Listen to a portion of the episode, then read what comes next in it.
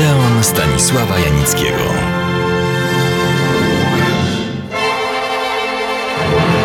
Tydzień temu opowiadałem o początkach wielkiej kariery Paula Newmana, jednego z najlepszych, najinteligentniejszych i najbardziej cenionych i lubianych aktorów amerykańskich. Między innymi jemu dane było zastąpić starą gwardią Jamesa Stewarta, Cary Granta czy Gregory Pecka. Ale nie o zastępowanie kogokolwiek chodziło, lecz o zaproponowanie nowego stylu gry. Jak to encyklopedycznie ujęto?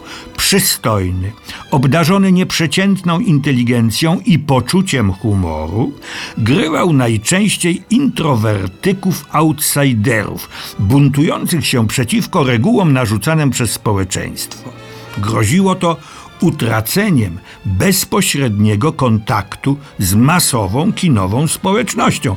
Ale Newman, starannie dobierając rolę, pozostał, co wszyscy stwierdzali, ulubieńcem publiczności i krytyków. Przyjrzyjmy się choćby pobieżnie rolom, które w latach 60. grał i którymi utrwalał nie tylko swoją popularność, ale przede wszystkim swoją pozycję aktora ambitnego i atrakcyjnego. Szlagierowym pod każdym względem przebojem była tytułowa rola w filmie Bilardzista w reżyserii Roberta Rossena. Paul Newman nie odtwarza, ale tworzy niezwykłą postać gracza, którego fascynuje nie tylko sama technika gry, który ulega tej niesamowitej gorączce gry i w końcu ulega całkowicie nonsensowi przymusu wygrywania. Długa i burzliwa jest droga, zanim doprowadzi swe życie do totalnego zniszczenia. Paul Newman wróci jeszcze do tego tematu ćwierć wieku później w filmie Kolor pieniędzy. Filmem znaczącym był Hood, syn farmera w reżyserii Martina Ritta, w którym Paul Newman grał owego tytułowego syna, reprezentującego jednocześnie zło i dobro tego świata, ale też i bunt przeciwko niemu. Rozdarta kurtyna była pięćdziesiątym filmem mistrza suspensu Alfreda Hitchcocka.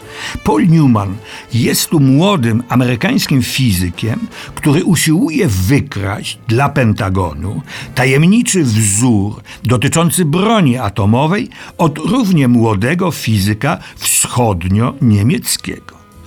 Nowe oblicze aktorskie ujawnił Paul Newman w westernie Butch Cassidy i Sundance Kid razem z Robertem Redfordem stoją w tym filmie na czele bandy rabusiów.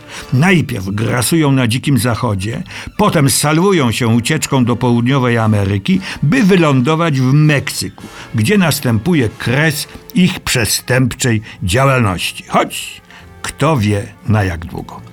Takich filmów było już sporo, ale mało kto potrafił im nadać tak wyrafinowany rys komediowy. W podobnym duchu i stylu utrzymany było kilka lat młodszy film szlagier pod tytułem Żądło, obsypany siedmioma Oscarami. Parę głównych bohaterów, jak pisano, przebiegłych, sympatycznych łobuzów, grają znowu Paul Newman i Robert Redford.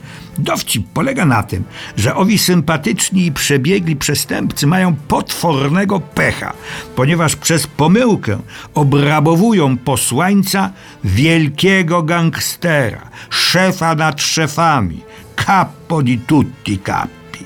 Publiczność i krytyka uznała żądło za rozrywkę w najlepszym guście. Rok później pojawił się Paul Newman w głośnym filmie katastroficznym Płonący wieżowiec. Następnie w Buffalo Bill i Indianie, który otrzymał Złotego Niedźwiedzia na festiwalu w Berlinie. I tak dalej, i tak dalej. Najwyższy czas, żeby powiedzieć też o innych zainteresowaniach Paula Newmana. Jego wielką pasją były wyścigi samochodowe, ale nie takie, jakimi popisują się domorośli, niewyżyci, pseudomistrzowie kierownicy między innymi i na naszych drogach, ale wyścigi prawdziwe, profesjonalne. Po raz pierwszy wystartował Paul Newman w takim wyścigu w 1972 roku. Siedem lat później ukończył 24-godzinny wyścig Le Mans na drugiej pozycji. Zaś w roku 1995 zajął trzecie miejsce w klasyfikacji generalnej, a pierwsze w swojej klasie w 24-godzinnym, widać to była jego specjalność, wyścigu w Dayton. Wystarczy? A jednocześnie wyreżyserował Paul Newman pięć filmów, które zostały wysoko ocenione przez krytyków i zyskały uznanie widzów. Były wśród nich takie jak Rachel Rachel, nagroda nowojorskich krytyków, Bezbronne nagietki czy Szklana menażeria. Ale to nie wszystko. Paul Newman zaangażowany był w działalność społeczną. Walczył o swobody obywatelskie i charytatywną. Po śmierci swego syna założył fundację wspomagającą walkę z narkomanią. W 1985 roku uhonorowany został specjalnym Oscarem za całokształt swej pracy artystycznej.